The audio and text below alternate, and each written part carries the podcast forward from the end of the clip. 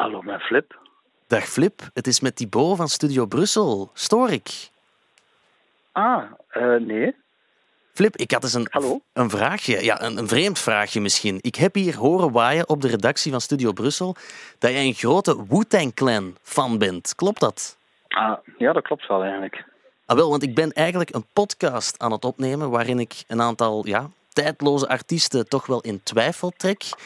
En de Wu-Tang Clan, ik snap dat nog niet helemaal. Voor mij is dat zo wat negen dudes op een podium die wat in het rond bazelen. Mag ik dat zeggen? Uh, ik mocht dat zeggen, maar luister man. Wu-Tang Clan ain't nothing to fuck with. Thank you, Boomer. Tiger style. Tiger, style. Yo. Huh? Huh? Wu-Tang Clan ain't nothing to fuck with. Wu-Tang Clan ain't nothing to fuck with. Wu-Tang Clan ain't nothing to fuck with. There's no place to Wu-Tang Clan ain't nothing to fuck with. Je hoort het, het Amerikaanse hip-hop collectief Wu-Tang Clan is niet om mee te fokken. De groep ontstond in 1992 op Staten Island, New York en groeide uit tot een van de belangrijkste hip-hop groepen in de jaren 90. Met maar liefst negen leden waren ze negen grote gasten, niet bepaald toetjes, die de hip-hopwereld en de wereld in het algemeen op hun kop zetten met snedige rhymes en pompende energie. Een frisse wind in de hip-hop toen der tijd, naar verluid. Iedereen kent het W-vormige adelaarssymbool wel en weet dat ze bestempeld worden als een van de meest invloedrijke hip-hop bands. Maar ik geef toe, ik ken ze van dat logo, ik ken een aantal nummers, maar voor ik ze als tijdloos bestempel, wil ik toch nog eens graag een expert ter zake spreken. En die heb ik gevonden. Hier bij mij te gast, Flip Kaulier. Zanger van onder andere Tof van Commerce, Ertebrekers en zichzelf, maar ook een grote Wu-Tang Clan fan. Wu-Tang Clan ain't nothing to fuck with. We zullen nog eens zien. Dag Filip. Hallo. Hoe gaat het? Dat moet ik eerst vragen in dit gesprek. Uh, uh, niet supergoed eigenlijk. Oei, dat, dat, is, dat is negatief. Ja, maar, maar uh, het is oké. Okay, ik ga daar niet te veel over uitweiden. Maar ik had ook kunnen zeggen, ja, het gaat heel goed. Maar mm -hmm, waarom mm -hmm. daarover liegen eigenlijk? Misschien dat het allemaal beter wordt als we een uur gaan zeveren over Wu-Tang Clan. Want jij bent een grote fan. Ik ben een grote fan, ja. Hoe een grote fan is dat precies? Wel, um, laten we zeggen dat, dat bij Enter the Wu-Tang, uh, debuutalbum, um, dat ik daar enorm veel naar geluisterd heb en dat dat ook rechtstreeks uh, beïnvloed heeft wat we later met Tof van Commerce hebben gedaan. En dat ik vooral in de jaren 90 toch heel veel naar Wu-Tang uh, heb geluisterd. Mm -hmm. Daarna is dat misschien wel wat verwaterd. Ja, je zegt het net zelf al, voor het Tof van Commerce. Kan je uitdrukken wat die groep betekend heeft voor je eigen muziek? Wel, um, hmm. ik hoorde een vorm van hip-hop die um, voor mij wat anders was, die vuiler was, die rauwer was. Um, de productie was, was ook anders, dat viel mij op. En, en sprak mij enorm aan. En ik denk als ik ben begin beats maken, mm -hmm. dat ik er wel heel fel naartoe leunde. Oké, okay, oké. Okay. Ja, we gaan nu bekijken of Wu-Tang Clan wel echt tijdloos is. Ik vermoed dat jij zegt dat ze dat wel zijn. Ik heb ook een fragment gevonden waarin ze zelf een soort van antwoord geven op die vraag. I mean, I think we like the we like the, the Black Rolling Stones or the Beatles or some shit. You know, yes, the hip hop version, yes, I would say. Yes. De zwarte Rolling Stones of de zwarte Beatles. Het is een, een serieuze uitdrukking misschien. Ja, uh, ik zou ze geen ongelijk geven eigenlijk. Oké, okay, oké. Okay. we gaan het hebben over het werk en het leven van de Wu-Tang Clan. De lyrics, de live shows, maar beginnen doen we met jouw favoriete. Ik heb je gevraagd naar je favoriete Wu-Tang Clan nummer. Wat mag dat zijn? Ik heb gekozen voor Triumph.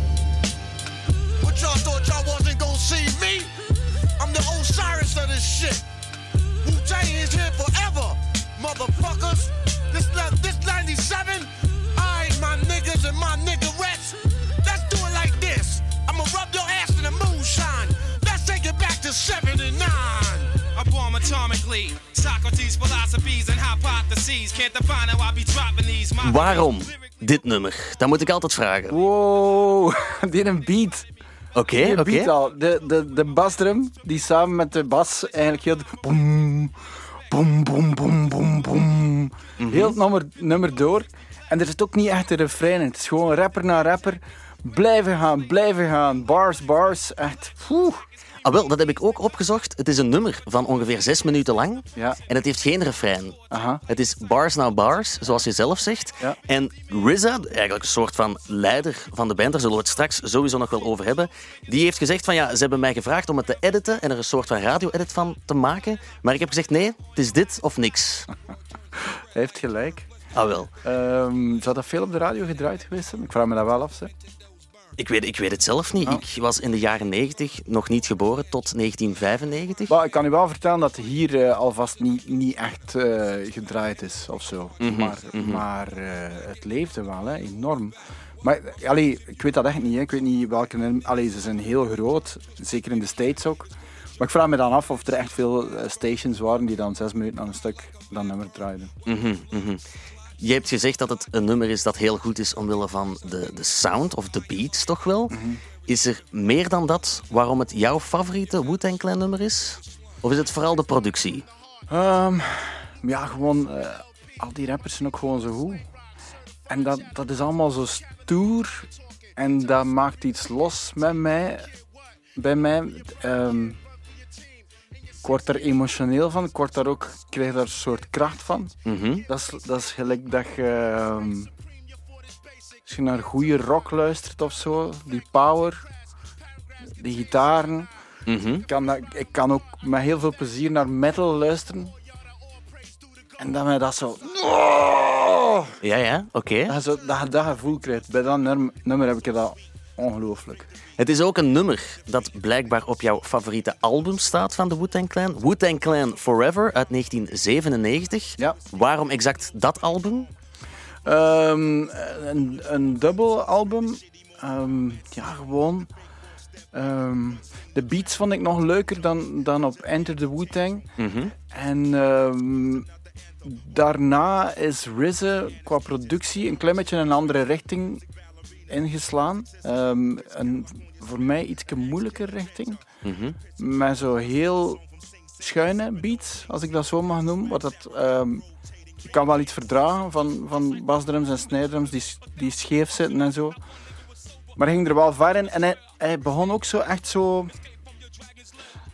Een beetje af te stappen van die gesampelde klanken. Die warme organische klanken. En echt zo...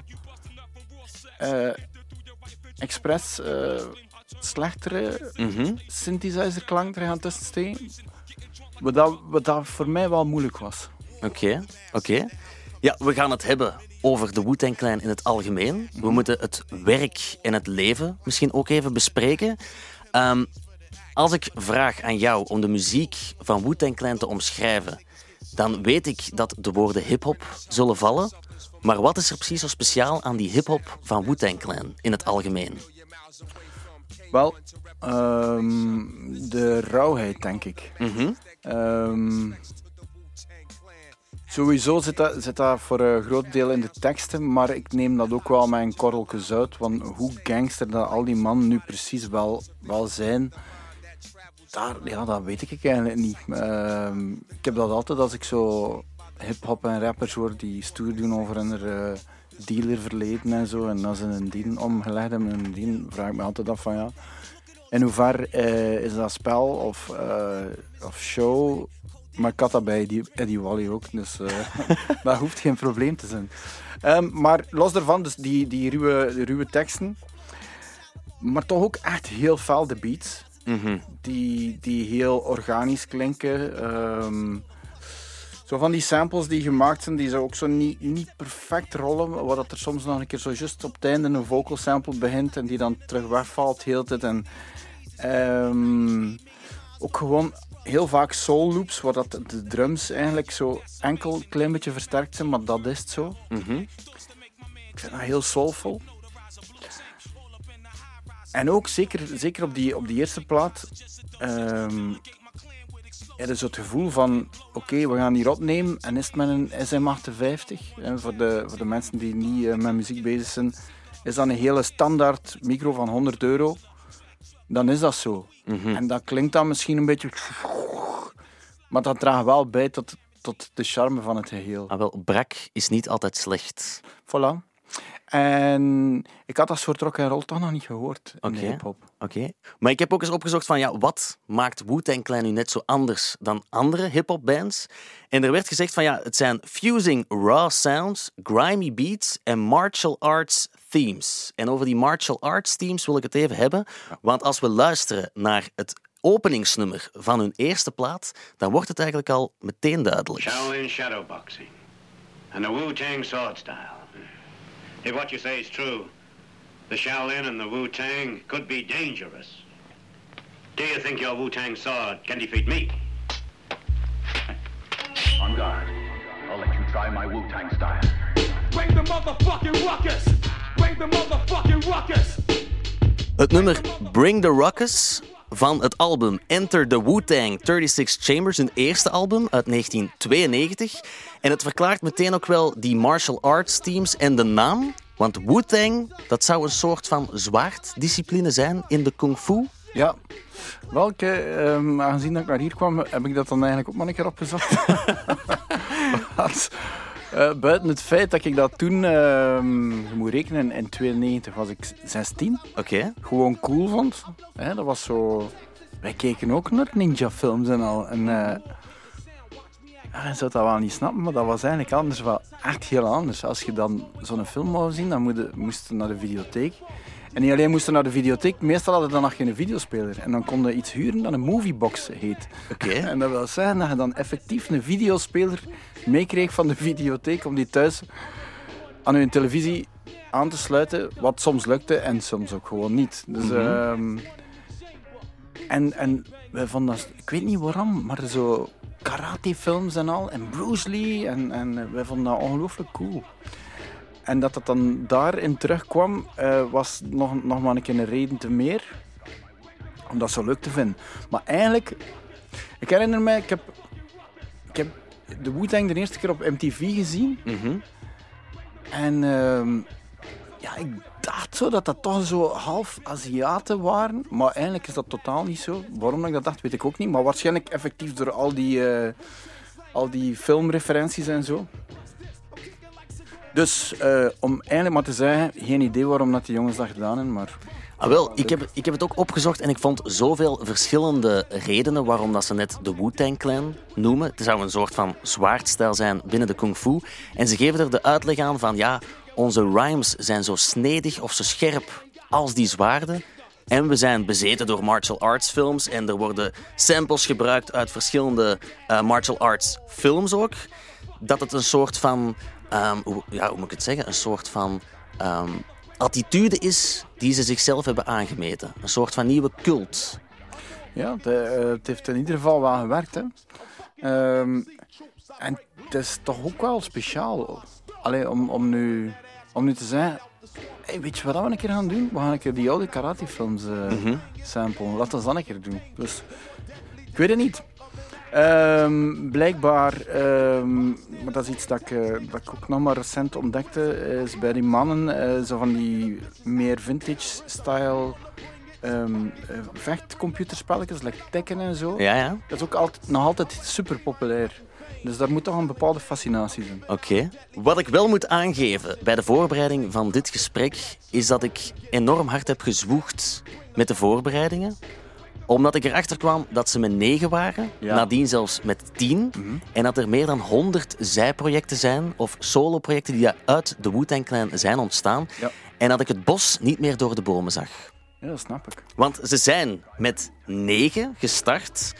RZA, Jizza en All Dirty Bastard, drie neven eigenlijk, die eh, eerst een andere band hadden, namelijk Force of the Imperial Master. En nadien is er dan ene man Ghostface Killer bijgekomen. En daarna nog eens zes andere dudes. Ja. Dat zijn negen gasten die samen één album hebben gemaakt met een bepaalde missie. Maar snap je dat het moeilijk is om al die muziek te vatten als het tien verschillende leden zijn en zoveel andere zijprojecten? Ja, absoluut. En ik moet wel zeggen, de zijprojecten, er zijn een paar heel goede soloplaten, maar er zijn er ook die niet echt onthouden gaan worden. En dat ging zo ver, die Wu-Tang Killer Bees, dat je daar echt... eh, ja, Dat moet, dat moet je misschien verduidelijken. Wu-Tang Killer Killer Bees was, was eh, een beetje hun, hun beweging. Dus alles en iedereen die geaffilieerd was met Wu-Tang dan, dat die zaten onder een soort... Een label was het niet, want ze zaten allemaal eigenlijk bij verschillende labels, maar dat was een soort... De, Wu-Tang was eigenlijk het eh, overkoepelend orgaan of zo. Mhm. En... ehm, dus ja, je kon eh Wu-Tang Killer Bees in, maar daarom zat er nog niet in de Wu-Tang. Maar dan, ja, ik weet het niet, hadden de zegen gekregen van RZA waarschijnlijk om, om zoiets dergelijks te doen. Ehm, wij, wij hebben zelfs ooit met het Hof van Commerce, maar ik weet niet in hoeverre dat dat, dat, dat dan klopt, maar ooit wel zo eh, mails gekregen van, van een soort organisatie die dan Wu-Tang affiliated was en die dan ook iets met ons wou doen. Maar het was zodanig vaag dat ik het eigenlijk bijna niet geloofde. En los daarvan dat ik ook dacht van, ja, wat gaat dat opleveren? Ik denk dat, dat ze gewoon wouden geld vragen aan ons of. Het had wel cool op de cv gestaan, natuurlijk. ja, dat is waar. Maar ja, ze waren dus met negen in het begin, waarvan RZA, zoals we al een paar keer gezegd hebben, soort van leider was toch wel, de producer op heel wat platen en ook het brein achter ja, de start van de groep. Want hij was degene die gezegd heeft, we gaan één debuutplaat maken, een deal sluiten met een recordlabel dat ons vrijlaat om nadien allemaal soloprojecten te kunnen starten. En na die debuutplaat hebben ze dan allemaal soloprojecten gestart. En hebben ze eigenlijk de, de platenindustrie geïnfiltreerd, heb ik gelezen. Eh, ja. Ehm, dat is wel ook weer zoiets, dat is eigenlijk een uitleg, maar, maar is dat zoveel anders dan wat er eigenlijk bij andere bands gebeurd is? Mhm. Dus daar moet ik misschien wel zeggen van, ja, oké. Maar, enfin, er zijn om te beginnen al heel weinig bands met negen mensen. Ja, inderdaad. Maar er zijn wel bands waar dat er eh, soloprojecten geweest zijn. En dat zal dan ook wel niet eh, altijd op hetzelfde label geweest zijn dan eh, de oorspronkelijke band. Dus hoe speciaal dat, dat op zich is, weet ik eigenlijk niet. Mhm. Ja, er zijn ondertussen zoveel leden van de Wu-Tang Clan. Heb jij een favoriet? Hoe, ja, misschien toch wel RZA. RZA? Ehm, dus voor de, voor de productie, voor de beats, maar ook zijn raps. Zijn, eh, zo qua flow eigenlijk heel speciaal. Hij rapt een beetje ehm, het meest, hoe moet ik dat eens zeggen, los van iedereen, het meest los over de beat. Maar op een manier dat dat dan toch op een of andere manier eh, altijd schoon uitkomt of zo. Mhm. Eigenlijk een beetje een stijl dat je later wel nog meer terug eh, gehoord hebt, waar dat misschien een M&M wel sch- schatplichtig aan is of zo. Oké. Er is nog wel, of ja, er zijn liever twee figuren waar ik het ook kort over wil hebben. Mhm. Eigenlijk de drie gasten die het zijn opgestart. RZA, maar ook Jizza. Is Ja. blijkbaar ook een belangrijk figuur voor jou, als ik het goed begrijp. Wel, hij heeft volgens mij het eh, beste soloalbum eh uitgebracht. Maar het, het ding is ook, dat lag voor mij zodanig dicht bij Wu-Tang, het was ook dezelfde productie, dat dat voor mij gewoon Wu-Tang was. Want niet alleen was dat dan zijn soloproject, maar dat deden ook nog mensen op mee van Wu-Tang. Mhm. Waardoor dat ik, dat ik ook, als, als je mij de vraag stelde, er niet mee in zat om, om een soloproject erbij te betrekken, omdat dat eigenlijk het is hetzelfde. Mhm. Het zijn Wu-Tang beats met Wu-Tang rappers. En ik denk dat je het hebt over zijn tweede album, Liquid Swords. Dat is juist, hij had een album voor heel het Wu-Tang Ja, gebeuren. Prince Rakim Ja. of zoiets. Nee, dat is RZA. Ah ja, ja, oh. Ja. Ik, zie, ik kan al niet meer volgen. Dat is het nee, probleem met mij. Maar eh, absoluut geen probleem. Eh, ik, ik zelf ook niet. Ik heb hier, eh, ik heb hier mijn iPad mee voor Oh, Oké, oké, eventueel- voorbereidingen getroffen. Goed. ja, de Wikipedia-pagina staat open. Het mag niks mislopen, maar ik heb hier geen internet. Dus, maar in ieder geval, ehm, ook weer ongelooflijk goede beats. Eigenlijk voor mij echt de top wat dat de RZA-productie was, de beats. En ehm, ja, Jizz heeft zo'n een, zeer laid-back, een beetje lijzige stijl. Ehm, ja, het float ongelooflijk goed. Ehm, er staan echt een paar ongelooflijke tracks op. Ook zo weer dat dat blijft gaan, dat blijft komen. En, eh, Misschien eens even luisteren naar het nummer Liquid Swords van het album Liquid Swords. When the MCs came to live out their names and to perform, some had to smoke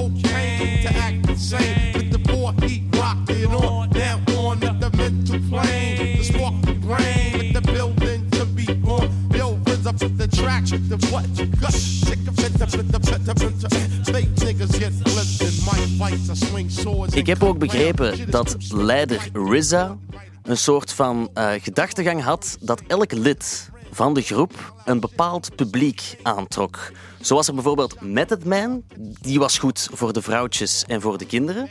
Uh, Ghostface Killer en Raekwon, dat was zo wat voor de gangsters. En deze Jizza, ook wel de Genius genoemd, die was goed voor de intellectuele college crowd. Kijk eens aan. Um, ja, weet je, ik moet heel eerlijk zijn. Die teksten, dat was allemaal wel stoer en leuk. En hier en daar kon ik dan wel een zinnetje meer rappen, maar ik weet eigenlijk niet over dat dat gaat.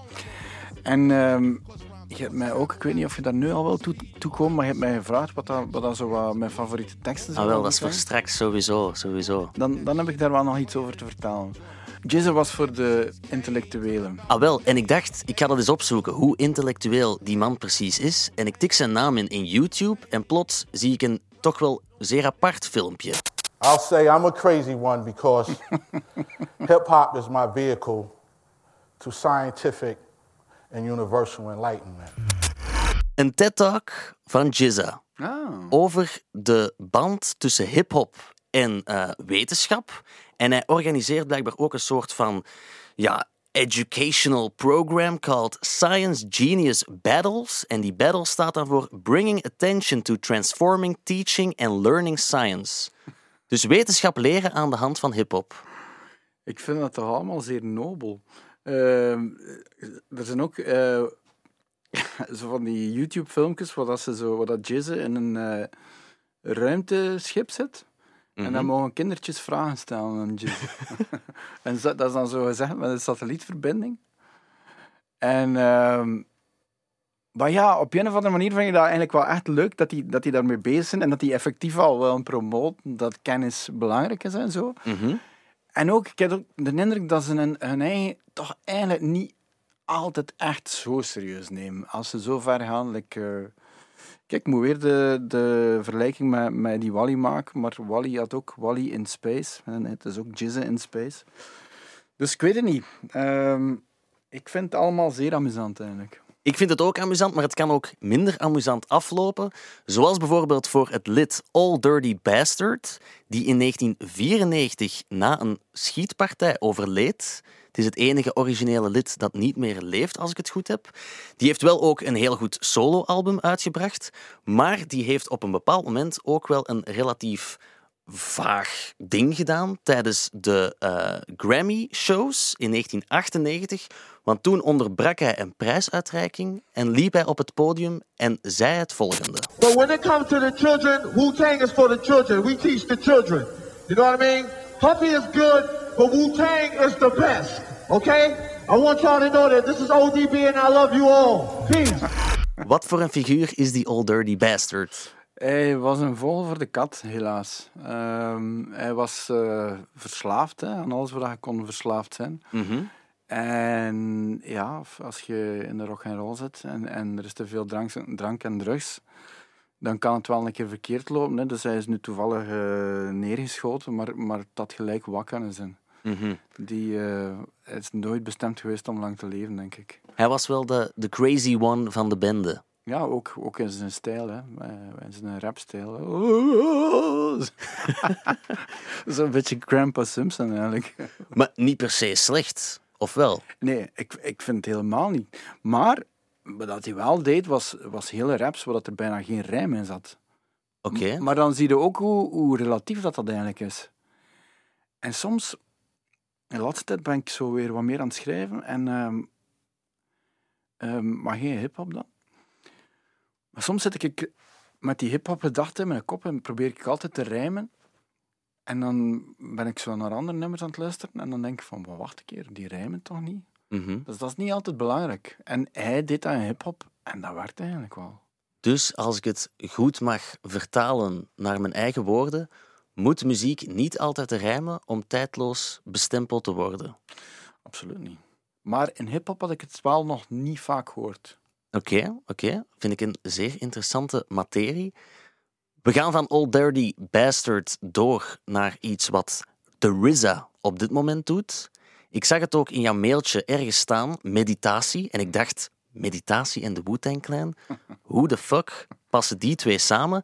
Maar na wat opzoekwerk kwam ik toch bij hele vreemde audiobestanden uit. Peace. Welcome to the God of Explorations Volume 1, presented by Tazo T. You may know me as the RZA, aka Bobby Digital, aka Prince Rakeem, aka The Abbot. I will be your guide on this journey. My career has taken many forms and crossed all continents, and at every stage, exploration has been essential to my process. This series of guided explorations attempts to share that process with you.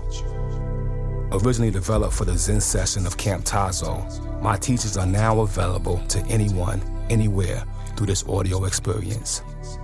So grab some tea, find a comfortable, seated position, and prepare to unlock your hidden powers.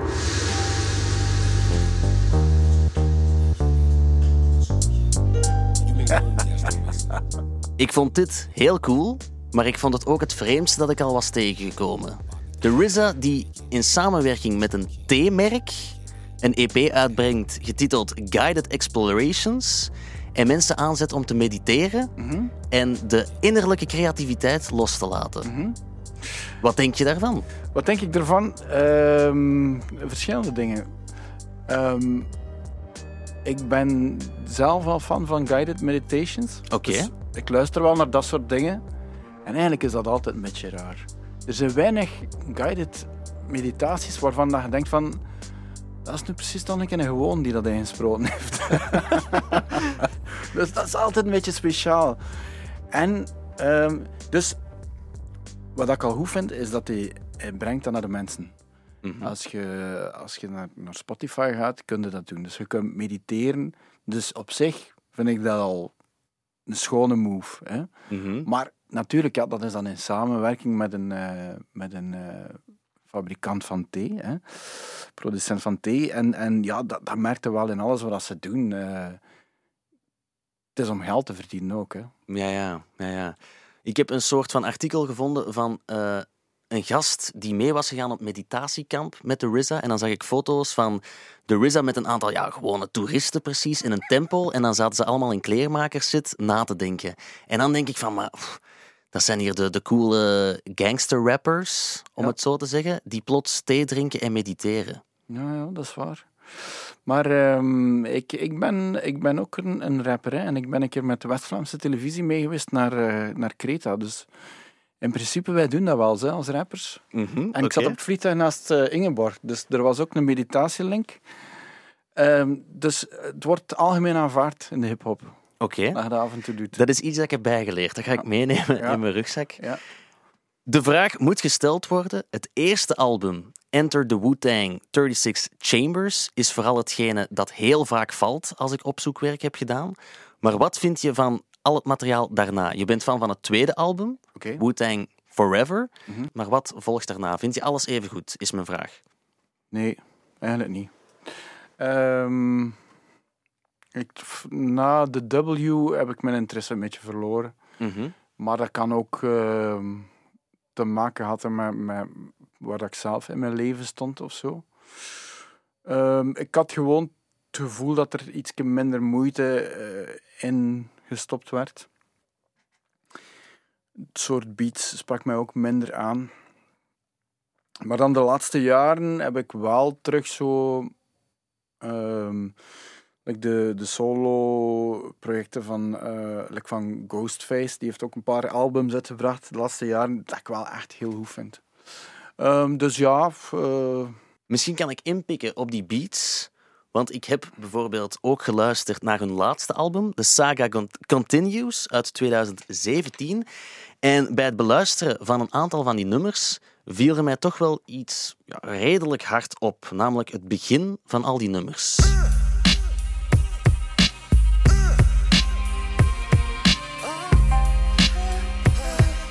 Dit is het nummer Lesson Learned. En als ik dan luister naar het nummer Frozen.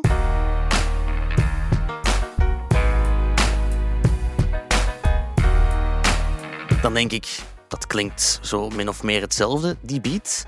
Het nummer Pearl Harbor iets verder op dat album dan.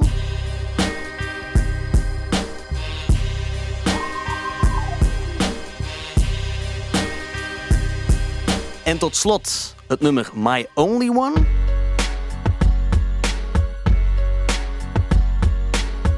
Ik weet, ik mag niet zeggen het is helemaal hetzelfde, maar het klinkt toch relatief hetzelfde, die beat. Dat is waar, maar dat kunnen van honderden bluesplaten ook zijn. Klopt, dat zijn de tegenargumenten die ik graag heb. Meteen bam. Ja. Ehm, jazz ook, hè. Ik bedoel, uh, Miles Davis platen, ja. Ik krijg je daar ook uh, vier nummers uit aan waarvan je denkt van, ah ja, tja, haha, trompet en drums of wat.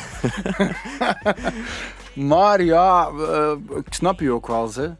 En het leuke was, ik ken dit zelfs niet. Um, het leuke was, in het begin waren dat vaak gesampelde klanken en, en uit oude soulplaten. En hij koos er wel de, de goede dingen uit, waardoor dat hij effectief die stijl heeft. Maar hier hoorde eigenlijk dat hij dat probeert na te maken. Waarschijnlijk met plugins en, en uh, overstuurde drumcomputers en zo. Mm -hmm. En uh, dat verliest toch een beetje van zijn charme voor mij. Ja, dat snap ik. Ik heb ergens gehoord dat ze op het eerste album een snare ja, een trommel dus voor de luisteraars die niet weten wat een snare is, hebben nagemaakt doordat de RZA met een meetlat op een leeg blik verf sloeg. Dat klonk graaf, maar dit lijkt toch wel zo een beetje um, geboetseerd of ja, zo. Ja, en dat vond ik dat je wel hoorde, uh, dat hoe langer hoe meer hoorde in, in die dingen. En in het begin vond ik dat wel nog grappig, dat hij, dat hij zei fuck it. Want hij zei ook van ja, dat soort beats, like op die eerste twee platen, ik heb dat al gemaakt. Ik heb Mhm. dat al zoveel gemaakt, ik ga iets anders doen. Dus uh, dat vind ik wel cool. Um, alleen vond ik dan, ja, het sprak mij minder aan. Oké, okay, oké. Okay. Ik heb heel wat muziek beluisterd van de Wu-Tang Clan, dus ik heb ook geluisterd naar de minder goede nummers. En ik wil jouw mening misschien wel eens horen over het nummer Miracle uit het album A Better Tomorrow uit 2014.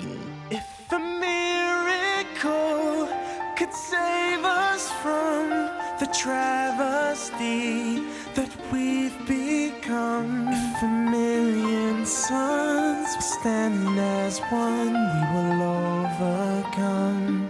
Overcome. Ik dacht, ben ik naar Wu-Tang Clan aan het luisteren of de soundtrack van een of andere Disney-film? Ik was ook Disney aan het denken. Je moet het toch maar doen, hè? wat, wat vind je daar dan van? Want ik denk dan, dit is toch, dit is toch pure crap. Ja, maar je moet je dan wel afvragen, oké, okay, pure crap, misschien wel, maar waarom doet iemand dat? Want die, allee, wat is het idee daarachter? Mm -hmm. En het is heel gemakkelijk om cool te zijn en te zijn, zoiets gaan we nooit doen. Maar ze doen het wel. Ja, ja, dat is waar, dat is waar. En de rest van het nummer klinkt wel cool. No they don't hesitate. Two off a G-pack, he chose the whole eight. Catch a five to ten, selling fives and tens. And the police informer was your childhood friend in the real world. Ik vind het niet dramatisch eigenlijk. Niet dramatisch? Nee. Het, het is vooral wel de intro die het uh, Ja, ik wil zeggen, heeft. het niveau vind ik niet dramatisch laag, dat bedoel ik. Uh, dat is wel pathetiek genoeg. Maar uh, ja, het, het is een intro. Ik, ik kan het nog aan. Dus Wu-Tang Clan Goes Disney, het mag nog voor Flip. Ja. Ik heb ook wat onderzoek gedaan naar andere tijdloze nummers binnen de Wu-Tang Clan. En vreemd genoeg ben ik erbij terechtgekomen. Ik heb het dan over samples en zo. Dan denk ik van, wat hebben ze gebruikt?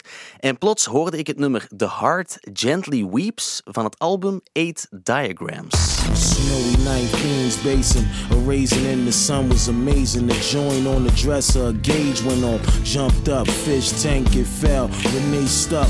They shot her cousin Levon, Neo the buck. Willie was awful. Pulled out the ratchet, let off two. Grits fell on his leg. Kiana ripped him cold buoy. Valen.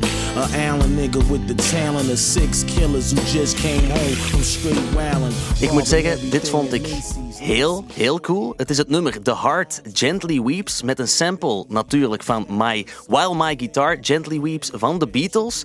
En er staan blijkbaar contributies op van Danny Harrison, zoon van.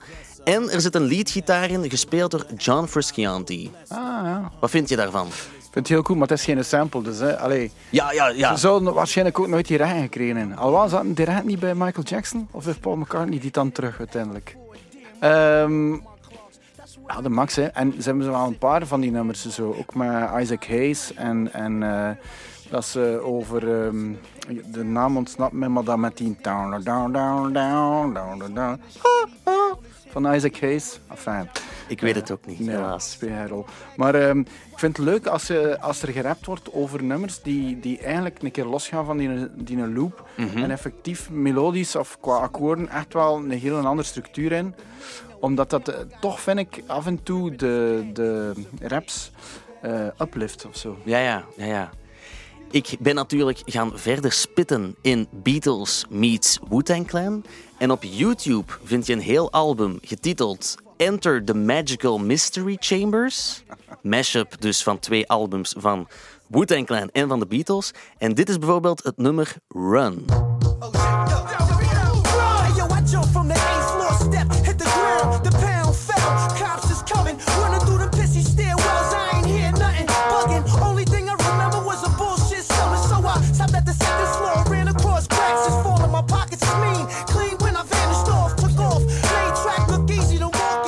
Het zou met samples zijn uit de demo van I Am The Walrus van de Beatles.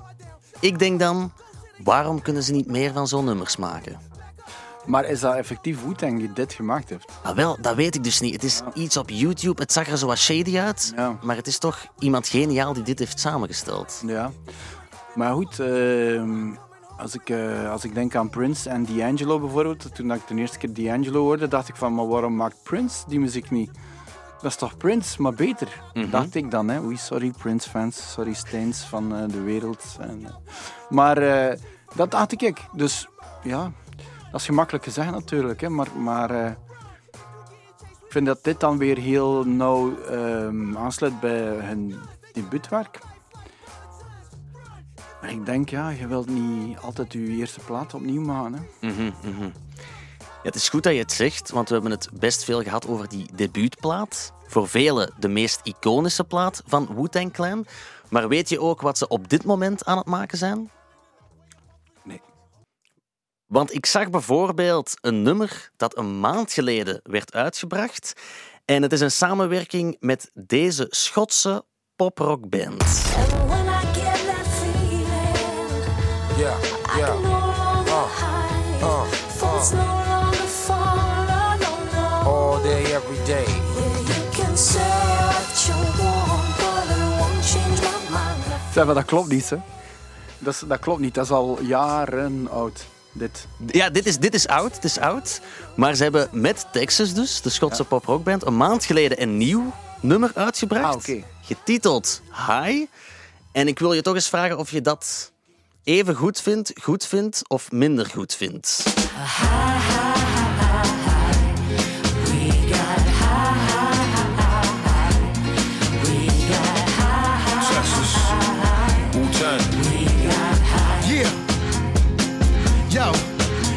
Yo, the vision that I can reveal is so real. Sail through Europe, the boat is for a meal. Still real by Enzo Ferrari. On the wrist, 200 band Bulgari.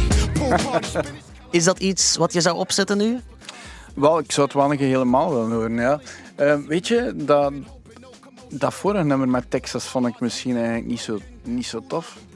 Dit, ik weet het niet. Ah, wel, het vorige was een fragmentje uit hun samenwerking op The Brits in 1998, als ik me niet vergis. Maar het is een origineel nummer van Texas. Ja. Dit is een geheel nieuwe samenwerking natuurlijk. Goh, ja. Ik vind het wel nog leuk dat het zo'n snelle beat is. Ehm, ik ben hier een beetje ter verdediging van de Wu-Tang. hè. Daarom dat ik nu niet trek ehm, dat ga afbreken. maar ik zou, het, ik zou het toch een keer helemaal moeten horen, denk ik. Oké. Niet onbelangrijk als we het over iconische en tijdloze muziek hebben, zijn de lyrics. Zeker als het over een hip-hop band gaat. En op het internet vind je dan filmpjes waarin ze zeggen over wat het precies zou gaan. What we rap about, we rap about everything. Everything under the sun you can think about. We rap about science, sun, what's the square miles of the planet Earth. From A to Z. A to Z. A to Z. Yeah. Van A tot Z. Ze zingen over alles. Dat is ook zo. Dat is ook zo. En, en eh, het is heel moeilijk om dat eigenlijk niet te doen als je hip-hop maakt. Want veel tekst is nu eenmaal eh, een belangrijk onderdeel van hip-hop. En dan wordt het moeilijk om je te beperken tot een bepaald. ehm, eh, tot eigenlijk weinig onderwerp. Oké. Zijn er bepaalde dingen die je eruit springen bij de Wu-Tang Clan? Van onderwerpen waarvan jij af weet? Wel, uh, mag ik het nu al over mijn fragment hebben? Graag, met alle plezier. Met alle plezier. Oké. Wel, uh, ik ga het er even bij panen. Ik heb het hier uh, opgezocht, want, want, ik ken het niet van buiten. Maar... Ik kan het ook eerst laten horen. Dat is goed, dat is goed. Dan kunnen we er nog een keer over gaan. Jouw favoriete lyrics? I'm on a mission that niggas say is impossible. But when I swing my swords, they all choppable. I beat the body dropper, the heartbeat stopper. Child educator plus head infiltrator. Cause niggas styles are old like Mark 5 sneakers. Lyrics are weak like clock radio speakers. Don't even stop. Het is uit het nummer Liquid Swords van Jizza. Waarom jouw favoriete lyrics? Wel, uh, dat is een stuk dat al, al, al vrij lang in mijn kop zit. En uh, ik, heb het, ik heb het speciaal hiervoor een keer opgezocht, omdat ik dacht van, maar wat zijn die daar nu eigenlijk juist? Mm -hmm. En het leuke daaraan is, is dat dat effectief een perfect voorbeeld is van wat je er juist zei. Dat gaat over alles. Dus het begint als een soort stoerdoenerij slash dreiging. I'm on a mission that niggas say is impossible. Sorry dat ik het in-woord te zeggen, ik lees dat voor. But when I swing my swords, they all choppable. Dus ze zijn bezig over de, over de zwaarden, hè, de Wu-Tang-style en zo. Mhm. En dan, I be the body dropper, the heartbeat stopper. Dus dat wil zeggen van, ik ben een moordenaar. Maar dan, even child educator. Dat komt ertussen om dan terug te gaan naar plus head amputator. Dus tussen, um, tussen body dropper en heartbeat stopper, even toch child educator om dan terug te gaan naar head amputator. Oké. Okay. Dus het gaat echt wel over alles. En heel straf dat ze in een zin over moord toch ook wijzen op het feit dat ze kinderen iets bijleren. Wu-Tang is for the children, ja, natuurlijk. absoluut. En dan gaan ze, gaan ze verder in een soort van, uh, van uh, humor, vind ik. Lyrics are weak like clock radio speakers. Dat vind ik zo'n goeie. Mm -hmm. Dat is waar, hè. En, en zeker vroeger, uh, als, als het nog niet allemaal van die Bluetooth speakers waren. Bluetooth speakers klinken hoe, hè? Vind je dat niet? Ja, ja. De meeste, ja. eigenlijk, voor wat dat is, je betaalt er 25 euro voor en dat klinkt zo'n klein dingetje. Maar vroeger was dat niet, hè. Een klokradio, dat, dat klonk echt heel slecht, hè. Dus dat vond ik zo goed. Lyrics are weak like clock radio speakers. Toen je 16 was, zoals je daar straks al zei, verstond je toen alle teksten? Of was je daarmee bezig met de lyrics? Mm, nee. Ja, de, de, de, een paar catchphrases bleven wel plakken in mijn, uh, in mijn hoofd, maar echt mee bezig, nee. En eigenlijk, door zelf begin te schrijven in, in, uh, in het West-Vlaams, ben ik wel meer, meer en meer ben naar teksten gaan luisteren ook. Maar um, voor mij het, ging het toch altijd meest over de totale vibe van een nummer. Ik kan ook niet goed teksten onthouden, niet van anderen en eigenlijk helaas ook niet van mezelf. Dus. Totaal niet erg. De teksten moeten niet altijd te belangrijk zijn natuurlijk. Maar er zijn wel een aantal teksten die ik je nog graag wil laten horen. Namelijk Shimmy Shimmy Ja, het nummer van Old Dirty Bastard. Dat begint toch wel op een ja, aparte manier. Oh baby, I like it raw. Yeah baby, I like it raw. Oh baby, I like it raw. Yeah baby, I like it raw. Shimmy, shimmy, y'all, shimmy, yam, shimmy, yeah. Give me the mic so I can take it away. Off on the natural charge, bon voyage. Yeah, from the home of the Dodger Brooklyn squad. Oh baby, I like it raw. Ja. Shimmy shimmy ja, shimmy yam, shimmy. Moeten we daar iets achter zoeken? Of, of wat betekenen die lyrics? Um, waarschijnlijk is uh, Dirty Bastard daar bezig over zijn uh, voorkeur voor textuur. Waar dat hij bijvoorbeeld een ruwe houten tafel leuker vindt dan de fineer dat hier op jullie desk ligt. En shimmy, shimmy ja, shimmy jij zal waarschijnlijk de beweging zijn dat ze maken om dat toch glad te maken. De schrijnwerkers. Of zo. Maar ja, fijn, er zijn... Um, je zegt er wel zoiets, hè, want, want veel, veel teksten zijn in de huidige standaard van vandaag toch misschien wel bedenkelijk te noemen. Mm -hmm.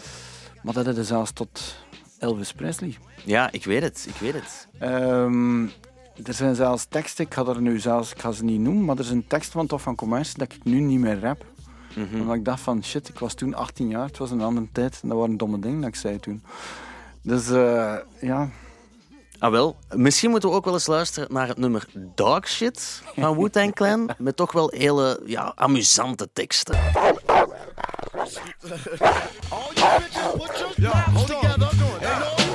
She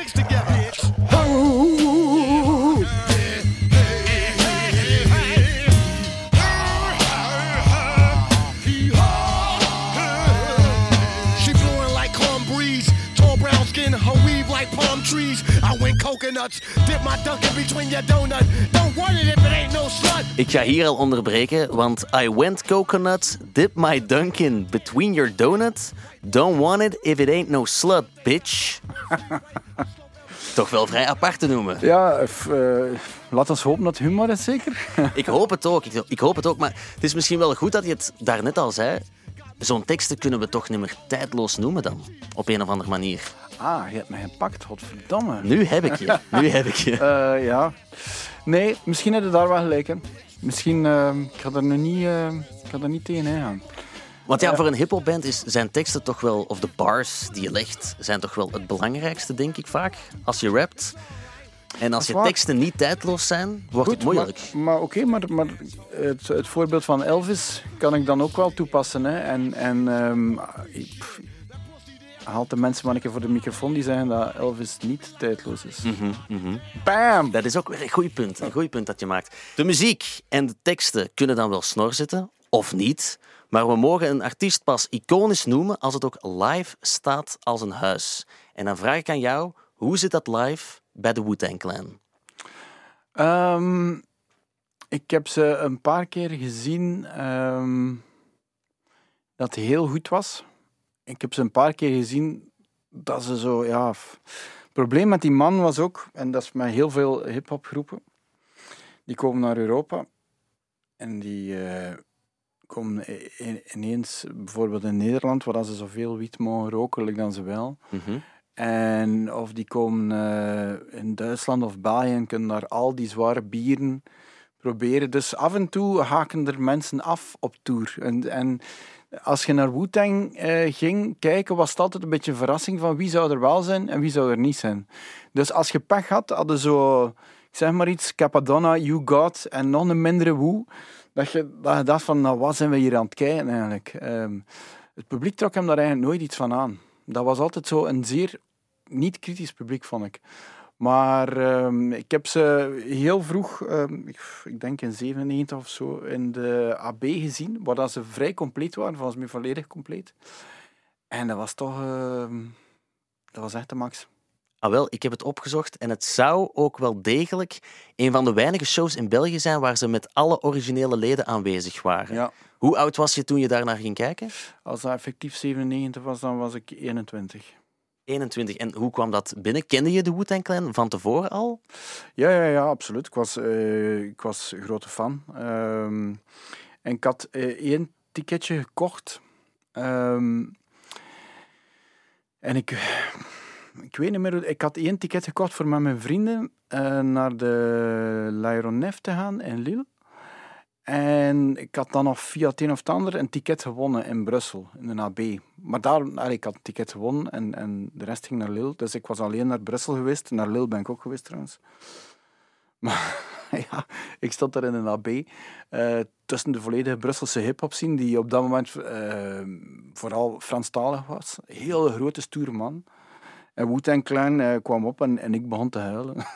Te huilen? Ja, wat niet zo eh hip-hop is, maar eh, ik was geëmotioneerd.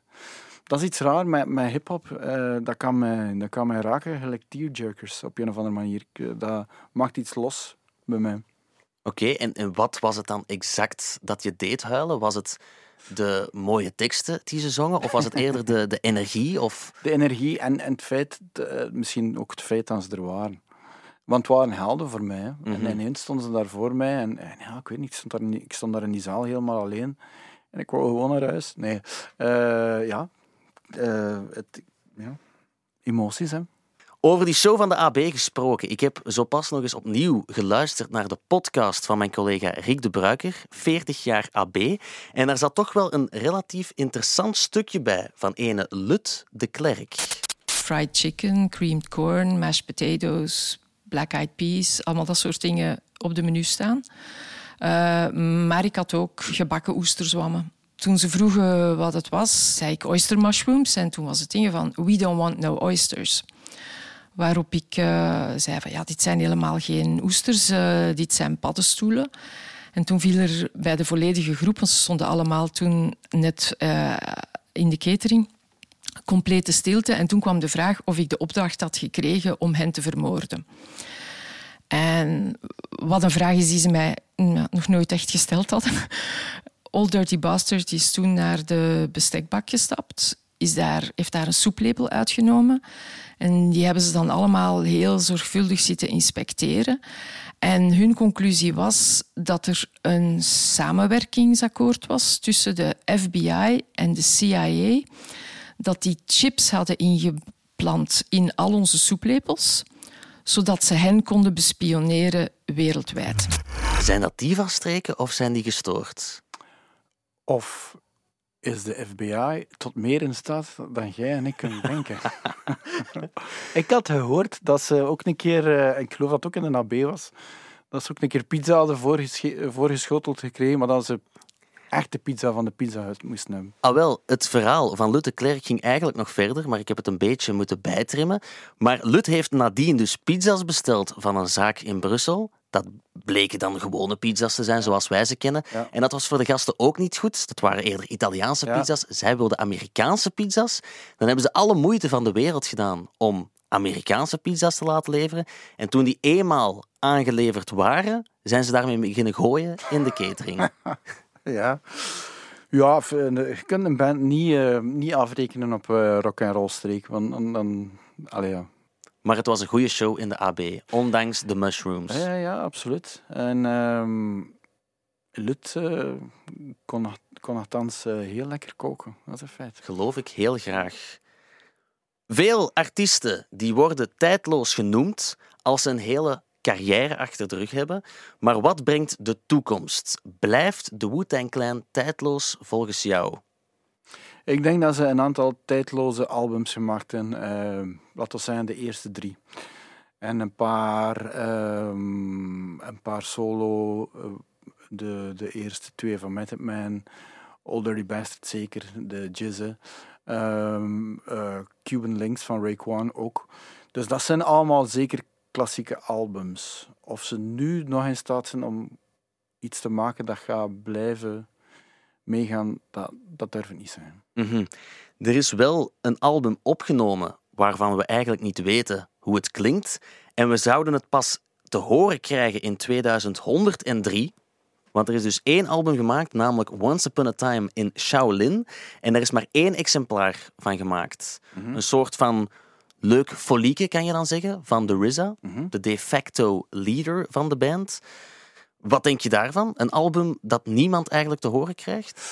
Op zich vond ik dat een grappig idee. Alleen de persoon die het gekocht heeft, is uh, de baarlijke duivel. Dus dat is misschien een beetje... Was dat niet die gast die een of ander medicijn of de rechten daarop had opgekocht? Ah, wel, het was een pharma-CEO met de naam Martin Shkreli.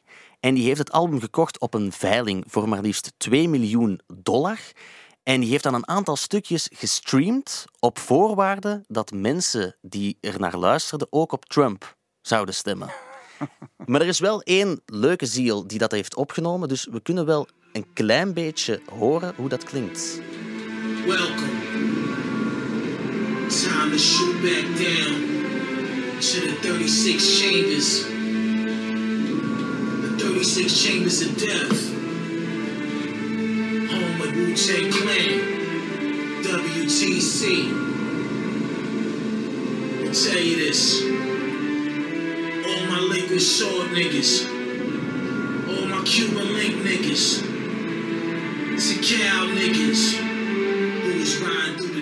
Dat is een fragment dat van de stream is gehaald.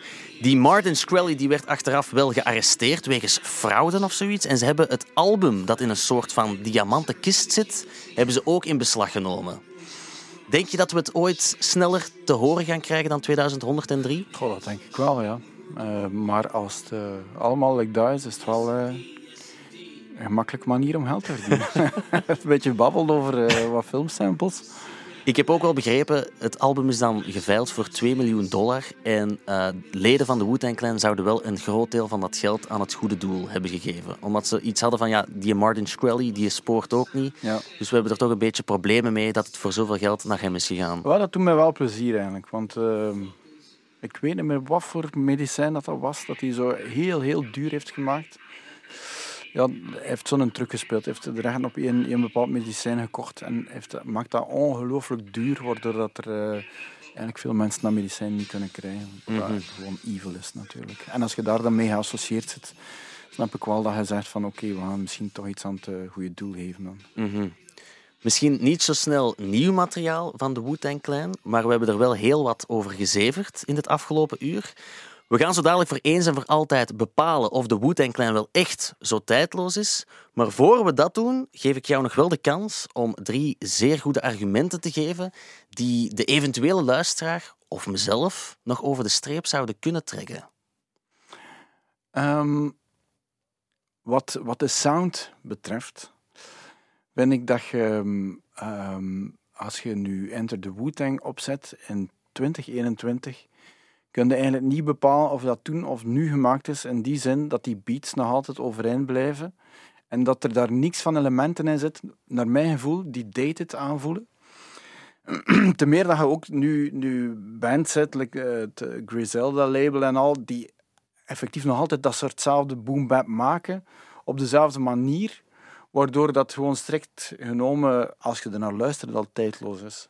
Dat is argument 1. Dat was ook mijn beste. En nu twee andere.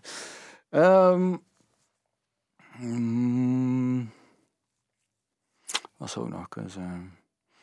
Dus uh, puur op sound. Um, dan ze hebben ook gewoon een, een paar uh, classics gemaakt. Zoals um, like bijvoorbeeld Gravel Pit. Dat eigenlijk meer zoals een, een top 40 hitje was waarschijnlijk hier. Um, ze hebben er. Um... Ja, fuck, mijn argumenten niet echt super goed. Maar ja, ik ben, ben eigenlijk niet voorbereid.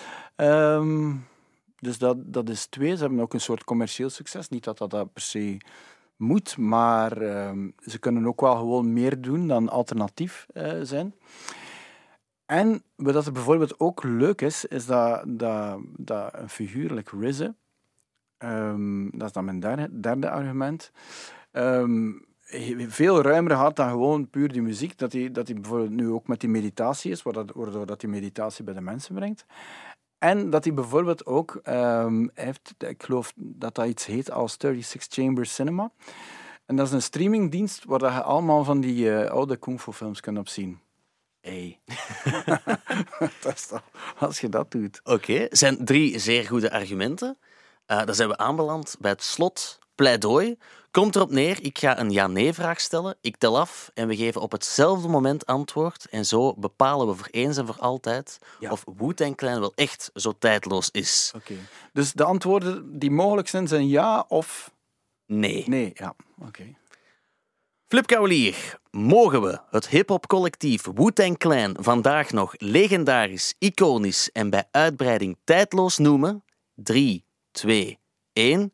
Ja. Ja. Ah, er was toch wat twijfel bij u, hè? Er was wat twijfel, maar ik denk wel dat het eerste argument van daarnet me over de streep getrokken heeft. Ja. Maar ik moet wel zeggen, dat eerste album, ik geef je daar volledig gelijk in. Als ik dat nu opleg, hoor ik niet dat dat van 1993 dateert. Mhm. En dat je dat in 2021 nog altijd kan beluisteren. Dus daarom de Wu-Tang Clan voorlopig tijdloos te noemen. Yes. Flip, heel erg bedankt voor dit zeer leuke gesprek. Graag gedaan. Dit was een podcast van Studio Brussel. Als je hem leuk vond, check dan ook eens onze andere podcasts, zoals Puur Hypothetisch, waarin Fien Germijns en haar vast panel op zoek gaan naar geniale oplossingen voor debiele vragen. Nu via stubru.be of je favoriete podcastplatform.